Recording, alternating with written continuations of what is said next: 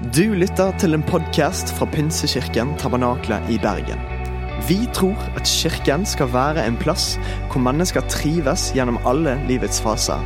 En kirke for hele livet. Ønsker du å bli bedre kjent med oss eller holde deg oppdatert? Besøk vår Facebook-side eller ptb.no. Her er ukens tale. Du, når jeg, eh, jeg føler alt på stell, så våkner jeg meg sjøl, ikke alarm. Og så eh, tenker jeg dette er min dag. Og så tenker jeg nei, er det min dag? Nei, det er Herrens dag. Og så lager jeg med venstrehånden min så lager jeg noen sånne banana pancakes for Instagram. Og så jogger jeg med beina på en tredemølle samtidig som jeg leser Skriften. Leser Bibelen med høyrehånd. sant? Men det, jeg har selvfølgelig fullt fokus på skriften, selv om, fordi jeg kan lage de der bananpancakesene helt uten å se. Og så tar jeg sånn bilde ovenifra på de der banana pancakesene til Instagram og bruker sånne WCO-filter. De som vet, de vet. Og så bruker jeg sånn snirkleskrift. Der skriver jeg sånn 'Jeg er fullkommen'. Før jeg, eh, før jeg legger det ut. Og så går jeg i døren min, sier hallo til fuglene. Og så går jeg på 0815-forelesningen min, fordi de klarer jeg å stå opp til. Uh, og så drikker jeg den ing ingefærshoten min på vei dit. Uh, jeg gjør ikke det, altså. Men uh, Utrolig merkelig ting å gi applaus for. Men det er greit for meg. Du, jeg, jeg liker å ha ting på stell, men jeg har det ikke. Og så Oi, hørte du? Det var neseborene mine som blåste.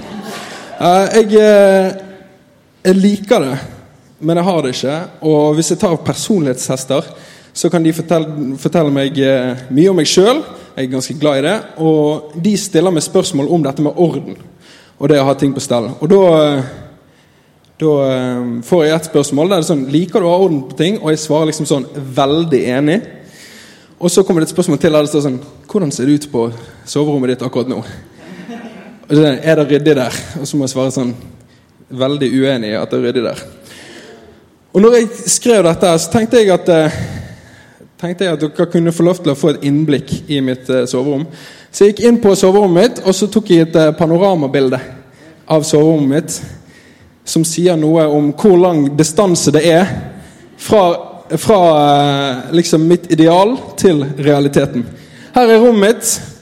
Og eh, det er, Dette er helt ekte. Jeg vet at Det ser ut som et sånn oppkonstruert bilde av eh, Hvis du søker på sånn uryddig rom på Google, at det er dette som kommer opp. Men det er faktisk helt ekte.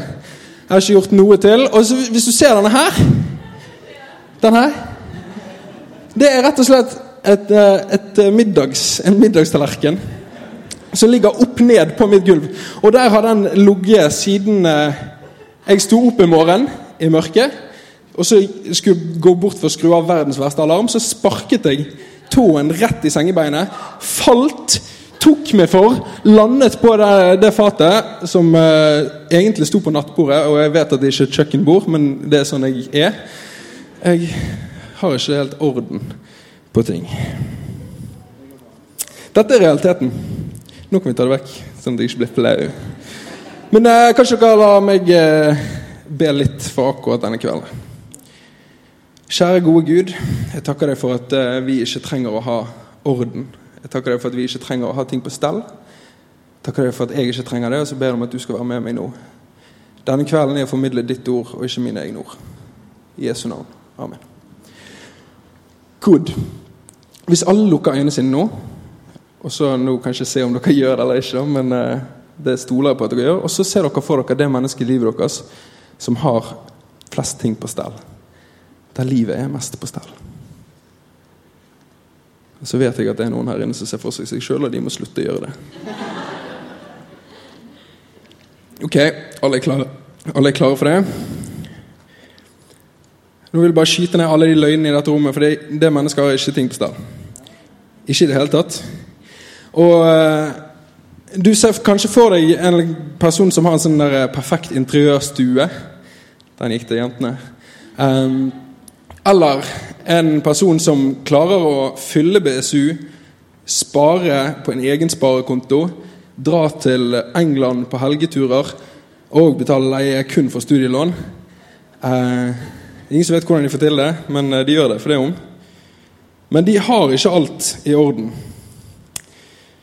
Hvis det ikke er, hvis det er orden på soverommet deres, så er det rotete i kjøkkenskapet. Og hvis det er orden i både soverommet og på kjøkkenskapet, så har de eh, det rotete i klesskapet. Og sånn kan det fortsette. Hvis de har orden overalt rundt omkring i huset, så har de rot i sitt indre. Det er ingen som har alt på stell. Og la meg være den første til å si det at i dette rommet så stiller vi alle på lik linje. Her er det ingen som fikser livet. Og hvis du nå føler deg fornærmet og tenker sånn Jo, jeg fiksa livet ganske bra, faktisk. Så vil jeg at du skal ta deg en kikk i ditt selvinnsiktsskap og se om det er rot der.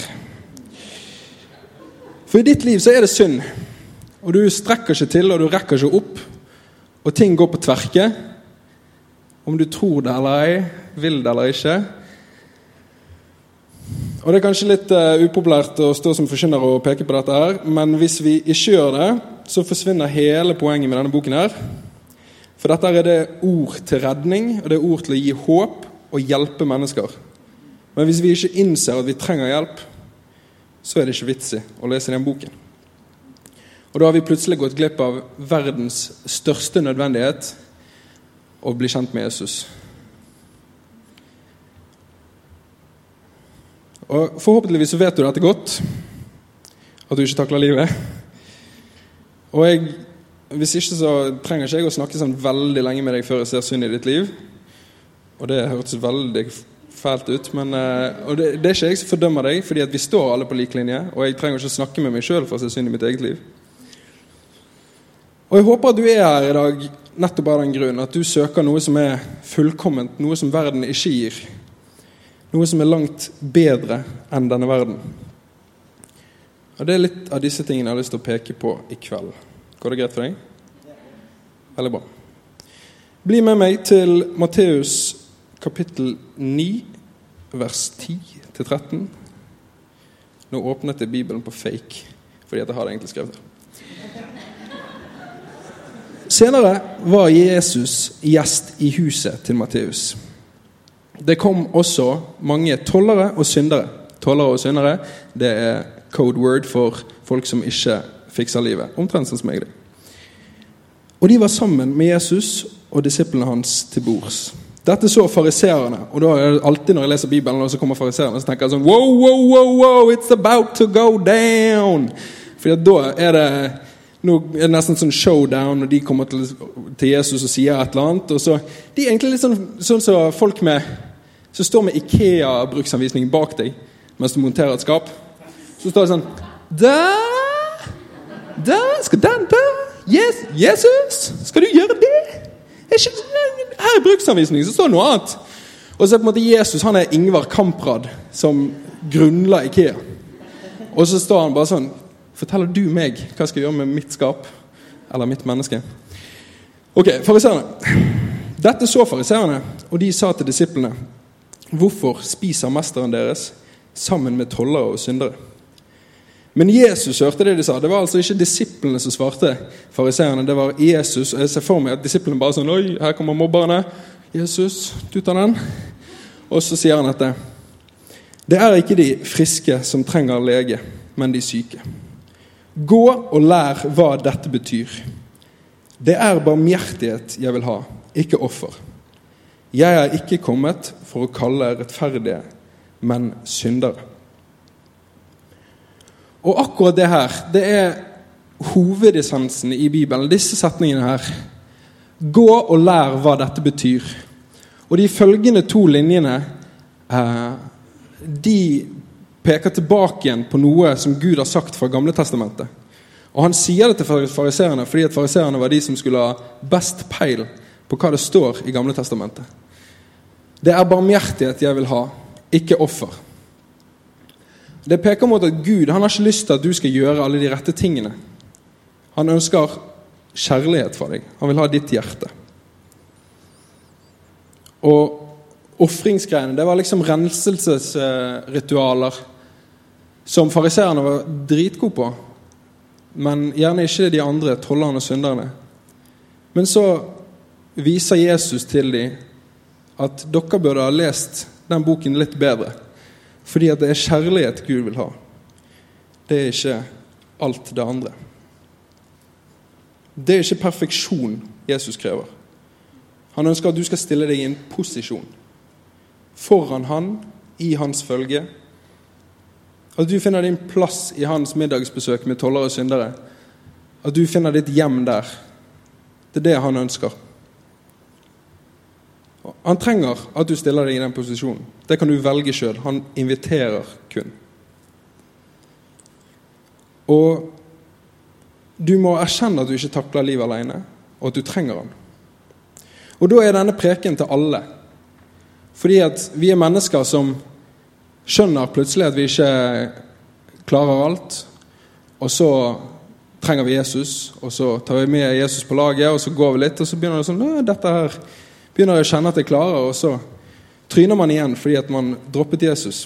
Man hoppet ut av den posisjonen som han inviterer inn i. Og Noen ganger så tror jeg at de som tror de kjenner han best, er de som trenger å høre dette her mest. Akkurat dette her med at han ikke krever perfeksjon, men at du stiller deg i en posisjon.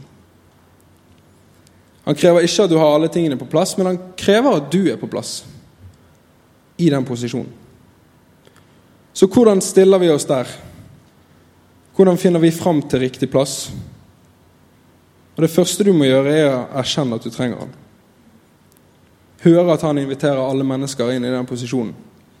Inn i en relasjon Inn i en relasjon som handler om kjærlighet, og ikke hvilke rituelle handlinger du gjør. Ikke om du er her på søndager, ikke om du er på Life på onsdager. Det er ikke det det handler om. Det handler om at du elsker Gud. Og Det er en ganske stor forskjell på det å være tilgjengelig og være til stede. Fordi at Hvis man sier sånn da, ja, 'Du vet hvor du får tak i meg' Hvis jeg hadde sagt det til kjæresten min eh, 'Du vet hvor du får tak i meg', så kan du bare gi meg en lyd når du trenger det. Så hadde jeg på en måte bare hoppet ut av den relasjonen vi lever i. Fordi at jeg er ikke til stede der. Jeg bare sier at 'Ja, men du vet hvor du finner meg'. Hvis jeg hadde sagt det til Gud du, du er allviten, du vet alt, du vet hvor du finner meg. Så velger man seg ut av det. Og jeg har ikke en relasjon til Gud kun når jeg trenger Han. Men jeg har en relasjon pga. at jeg elsker Gud. For altså, Gud han, han trenger ikke meg. Gud han trenger ikke deg, men han vil ha deg. Og det er en stor forskjell. Han kan gjøre hva han vil. Han er allmektig. Han kan gjøre alt det han vil uten deg, men han ønsker å ha deg med, deg, med seg. Og Da må vi lete oss fram til den posisjonen for å følge Jesus. Og Jeg vet ikke hvor du finner den posisjonen. Jeg vet ikke om, om du har funnet den. Jeg vet hvor jeg møter Jesus, men jeg vet ikke om det er likt for deg. Jeg tror det fins like mange posisjoner som det fins mennesker. For Han kjenner deg så godt at han vet akkurat hvordan han skal møte deg. Og så kan det ha vært en stund siden du har vært i den posisjonen. Du kan føle deg litt off i ditt gudsliv og føler ikke helt at du er i den posisjonen som han inviterer deg inn i. Og så går du og leter, og så leter du kanskje der du, der du traff han sist. Men vår Gud han ønsker å gå et sted. Han ønsker å føre oss med oss. Så det kan være at du skal lete et annet sted. For han skaper noe nytt hele tiden, og han er på vei et sted. Han inviterer oss med på det, men det kan være at du må lete på nytt et annet sted. Og så når vi finner han, så, så føler vi egentlig at, at Gud er litt sånn app, app, app, app. Vet du hva, Pedersen? Det er det dummeste du kan gjøre. Fordi at vi tenker at ja, nå skal han se alt jeg har i, i kjøkkenskapet. Han skal se alt jeg har i klesskapet. Og så løper vi til det rommet som vi vil at ingen skal se, og så låser vi døren der. For det er jo sånn man gjør på besøk. Når man får besøk, så låser man de stedene der man vil at folk ikke skal gå inn. De stedene man ikke ønsker at folk skal se. Og det er akkurat det som er det største problemet vårt. Er at vi prøver å gjemme de tingene som vi ønsker at folk ikke skal se. Som vi ønsker at Gud ikke skal se. De tingene vi ikke fikser løper vi rundt og låser dører. Men Jesus han ønsker å rydde opp. Han ønsker å hjelpe deg å rydde opp. Han krever ikke perfeksjon, men han krever at vi stiller oss i en posisjon der vi åpner opp for at han kan hjelpe. Han kommer aldri til å fikse de delene av, de, av livet ditt som du ikke åpner opp for. Han kommer aldri til å trenge seg inn, han kommer aldri til å rive opp noe skap. Han fikser kun det du gir til han. Og Derfor er det litt rart med de kristne som, som klager veldig mye over en eller annen ting i livet deres som Gud ikke fikser, men så har de egentlig ikke gitt det fra seg til ham. Jeg vet ikke hva du tviholder på, jeg vet ikke hvilket rom i livet ditt som du tviholder på. Men han kommer ikke til å fikse det før du gir det til ham. Og så når du har funnet din posisjon, så kan jeg hjelpe deg litt etter litt. Steg for steg, dag for dag. Det krever at du følger han. Det krever ikke at du finner din posisjon, og så fikser han alt. Det krever at du følger han og går etter han. Hvert eneste steg. Så fikser han litt etter litt, dag for dag. Jesus han har uendelig tålmodighet. Men allikevel så ønsker han å se livet ditt så bra som det faktisk kan være. Og han er den ene personen som klarer å gå med de to i hendene samtidig. Nåde og samtidig forventning. Og Som mennesker så ser vi alltid på det som mangler. Vi ser på det vi ikke får til. Vi ser på de stedene der vi ikke strekker til. Men Gud han ser på det vi har. Han ser på det som ligger igjen. Han ser på hva Jesus allerede har gjort for oss. Og hva kommer til å skje om dette fellesskapet? Vi på søndag kveld begynner å erkjenne at vi ikke har ting på stell, og begynner å spørre Jesus om hjelp. Begynner å søke den posisjonen der han kan hjelpe. Der andre kan hjelpe. For hvis vi skal være ærlige, så tror jeg ikke at vi er der. Jeg tror at vi går hjemme på ting fortsatt. Og hva kommer til å skje om vi gir slipp på de tingene og gir det til Han? Og det skjer i dette fellesskapet. Fordi at jeg ser ut av denne salen så ser jeg en gjeng med striglede mennesker som virker til å, til å ha livet på stell. Til å fikse livet. Jeg vet ikke om du kjenner deg igjen i det, men hvis du er sliten en dag, så tenker du heller at du ikke går i kirken, enn at du faktisk går i kirken. Men hvis vi går tilbake igjen til den bibelteksten, så ser vi en Jesus som beskriver kirken som et sykehus. Der han er, i hans selskap, så er det de syke som er invitert.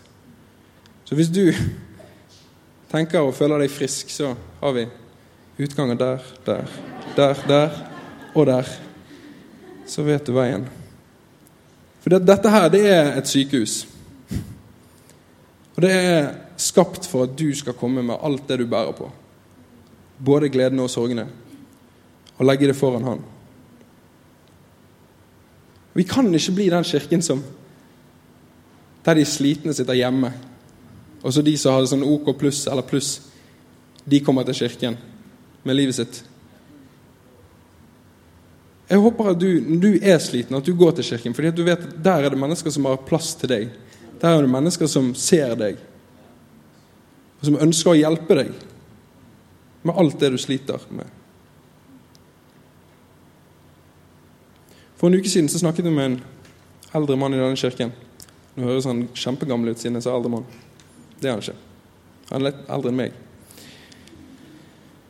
Og han sa dette at er ikke det vi er best på, da? fasade. Vi viser ting i kirken som er noe helt annet enn det som er hjemme. Og så tenkte jeg at Det håper jeg ikke stemmer, men jeg tror det gjør det. Fordi at vi viser de tingene vi ønsker å vise.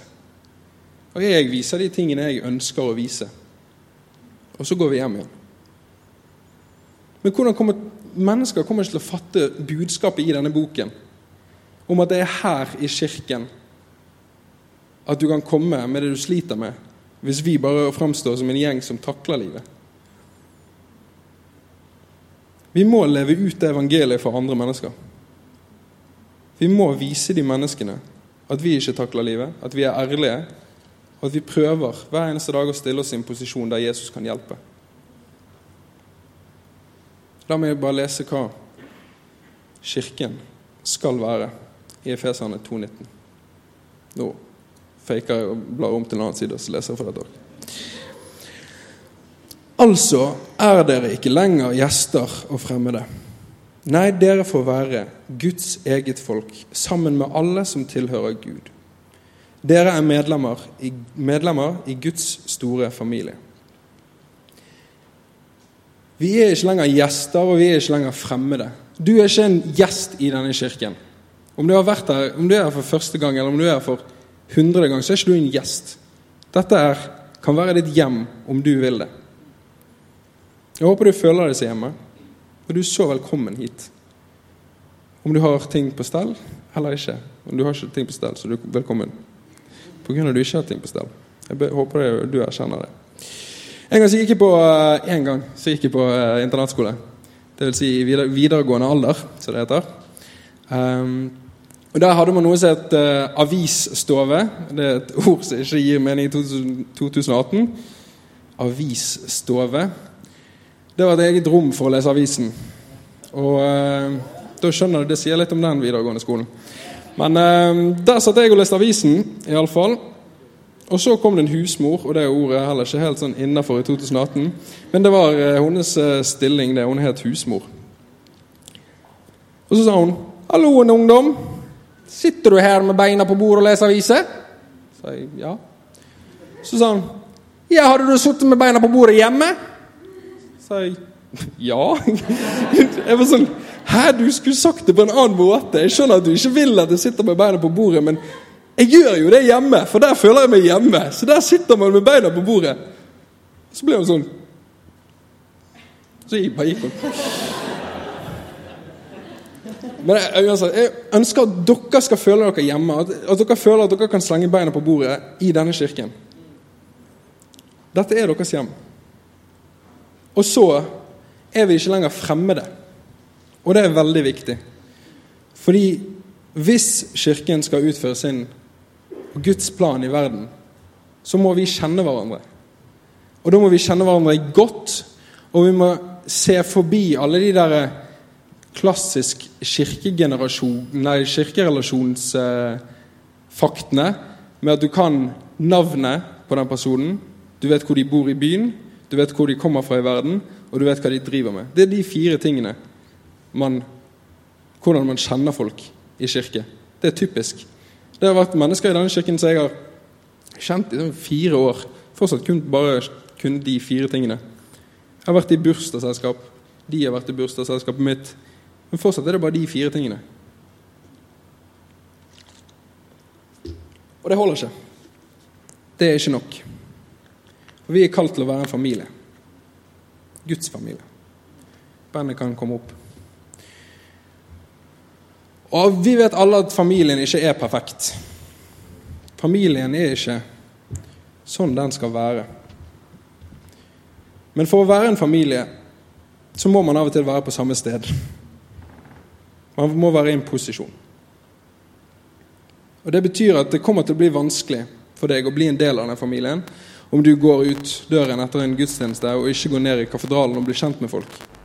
Eller om du ikke dukker opp på livesamlingen hver onsdag. Da blir det vanskeligere. Fordi det er sånn med mennesker også at vi trenger å stille oss i posisjoner. Og vi krever ikke av hverandre at folk er perfekte, men vi krever at folk er til stede for at vi skal kunne bli kjent med folk, be for deg og elske deg. Du trenger ikke ha alle ting på plass, men du må være på plass. Du må finne din plass i dette middagsbesøket for syndere og tollere. For oss som ikke fikser livet. Og så I dag på nrk.no så var det en som skrev en kronikk og overskriften for den kronikken, det var Dette var altså en, en stor kritikk til all religion, skrevet av en nyatist som var stolt av å kalle seg en nyateist. Hvis du mener jeg kommer til å brenne i helvete, så mener jeg at du bør motsies. Og det er jeg helt enig i. Det var det, for så vidt det eneste jeg var enig i i akkurat den kronikken. Men, men der har han et poeng. Fordi når vi stiller oss i den posisjonen, så lager vi oss noen standarder rundt oss. Når jeg stiller meg i den posisjonen, så lager jeg noen standarder rundt meg der jeg eh, Som er standarder for mitt liv. Men så møter jeg andre, og så føler de at det er standarder som jeg legger på de, og fordømmer de. Men sånn kan vi ikke være som kristne. Og Jesus han var alt annet enn det. Han hadde skyhøye standarder. Han var standarden sjøl.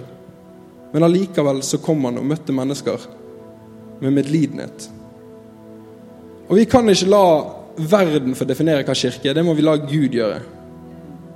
Vi kan ikke la den kronikken definere hva vår religion og Guds tro er. Det må vi gjøre.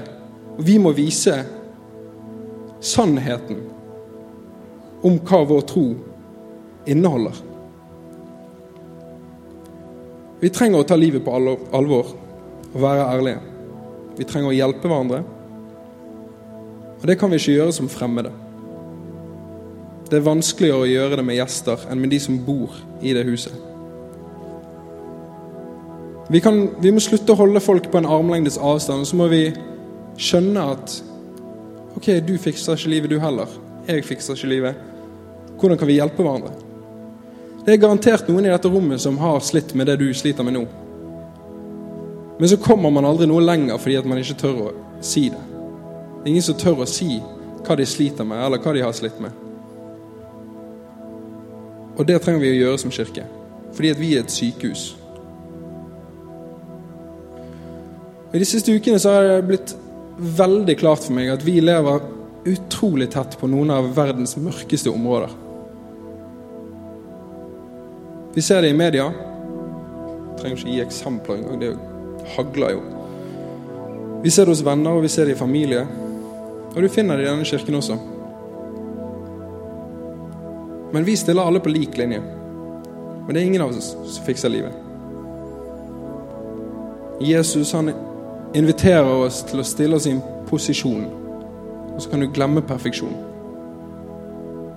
Og følge Han, sånn at Han kan rydde opp i ditt liv. Jeg elsker å se at du er her i kveld. For det betyr at du har stilt deg i en posisjon der du kanskje ønsker å møte han. Han som har peil på livet. Han som har ting på stell som kan fikse ditt liv. Så når du er her i denne posisjonen, så gjenstår det bare at vi åpner oss for å hjelpe hverandre. Lykke til med det.